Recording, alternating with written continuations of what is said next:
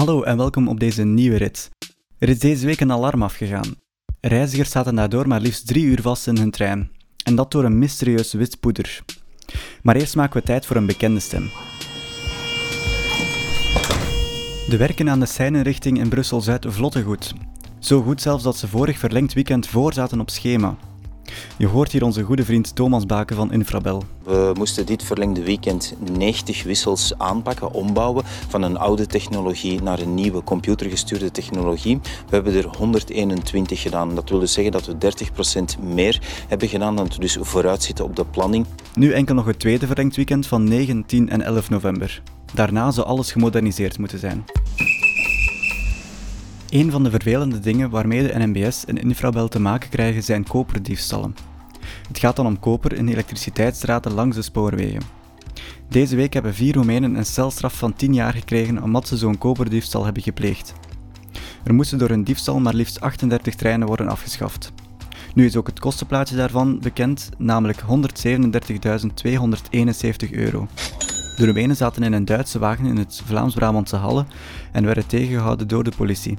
Hun GPS en gsm werden nagekeken waaruit is gebleken dat ze diefstal hadden gepleegd. Ze hadden ook nog eens een metaalschaar bij zich, dus de politie kon ze meteen oppakken. Open VLD-Kamerlid Marian Verhaert uit Grobbedonk in de provincie Antwerpen pleit voor een beter mobiel netwerk op onze treinen. En dat kan ik alleen maar aanmoedigen. Het is vaak zo dat je op sommige plaatsen een slechte verbinding of zelfs helemaal geen verbinding hebt in de trein. En in tegenstelling tot onze buurlanden is er nog altijd geen wifi in de trein. Dat werd al eens aangekaart dit jaar, maar hiervoor kon jammer genoeg geen budget worden vrijgemaakt.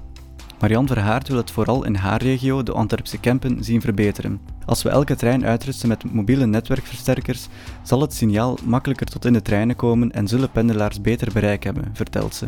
Als we willen dat mensen echt meer de trein nemen, moeten we internet in de trein aanbieden dat goed, snel en betrouwbaar is, gaat ze verder. Het grote voordeel van pendelen met de trein is dat je kan werken tijdens de verplaatsing als de verbindingen toelaat tenminste. Voor de campen zien we vooral rode zones langs stielen tussen Olen en Herentals en bij Bouwel. In de nieuwe dubbeldekstreinen zullen mobiele netwerkversterkers geïnstalleerd worden, vertelt NMBS. Deze M7-treinen worden momenteel uitvoerig getest, maar eigenlijk moesten deze al ongeveer een jaar geleden ingezet worden. Wat het grote verschil maakt met onze buurlanden is dat het budget voor onze spoorwegen wordt beïnvloed door onze overheid.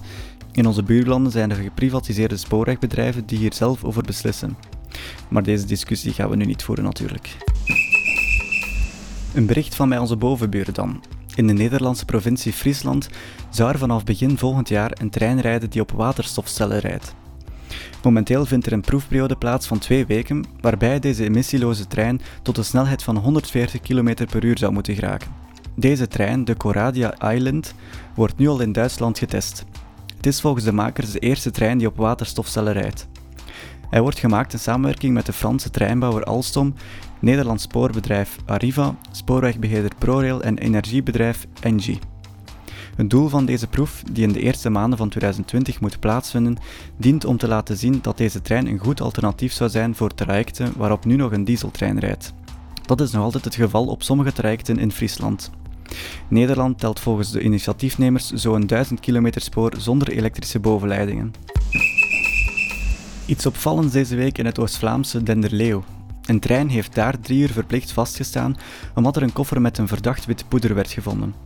Er werd meteen een anthrax-alarm ingevoerd. Dat is een alarm dat wordt ingeschakeld als er een vermoeden is van het gevaarlijke poeder anthrax. De trein werd naar een apart spoor geleid en het perron werd meteen afgesloten voor alle reizigers. De 28 inzittenden mochten de trein niet verlaten. De koffer lag boven waar de bagage normaal altijd ligt toen de conducteur hem vond. Hij opende de koffer en merkte de zakken op. Het ging om de IC-trein die in Oostende vertrok en richting Brussels Airport reed. Gelukkig zat ik zelf niet in die trein, want ik neem dat traject ook vaak. De treinbegeleider merkte het poeder rond kwart voor vijf in de namiddag op. Rond half acht avonds werden de reizigers uiteindelijk van de trein geëvacueerd. Het zou niet om anthrax gaan, zo bleek uit de eerste gegevens. Het poeder werd meegenomen door de civiele bescherming en werd verder onderzocht. Zo vertelde de burgemeester van Denderleeuw. Over dat laatste bericht met dat geheimzinnige poeder zijn er natuurlijk ook veel reacties gekomen. Op Twitter heb ik een bericht gevonden van Arne en hij zat in die trein. Hij vertelt daarover lichten die uitvallen en mannen in rare pakjes. Is het het leven zoals het is, NMBS of Stranger Things? We krijgen wel dekentjes en wat water, maar de toiletten zijn na twee uur nog steeds gesloten. Daarbij plaatst hij ook nog een video waarin je ook effectief de mannetjes in rare pakjes ziet rondlopen over het perron. Het is algemeen bekend dat er veel wordt geklaagd over onze spoorwegen. En onder het motto het mag ook eens verteld worden als het goed gaat, heb ik ook nog een ander bericht op Twitter. Namelijk als je de IC naar Antwerpen neemt en er ineens de route voor de L naar Leuven omgeroepen wordt, met een lachend gezichtje, toch maar even gaan checken. Ondertussen is de trein weer helemaal mee en zitten we gelukkig in de juiste trein. Altijd vrolijk met de NMBS. Over dat bericht zouden er ook nog mensen durven klagen, dus ik ben blij dat dit even een positief bericht is. Wil je nu zelf graag reageren op een opmerkelijke gebeurtenis of heb je iets gezien dat niet spoort? Laat het dan zeker weten. Je kan een audiobericht inzenden via de link in de beschrijving van deze podcast. Als je zelf niet graag iets inspreekt, kan je me ook een bericht sturen via Twitter of Facebook. Tot volgende week en nog een prettige reis.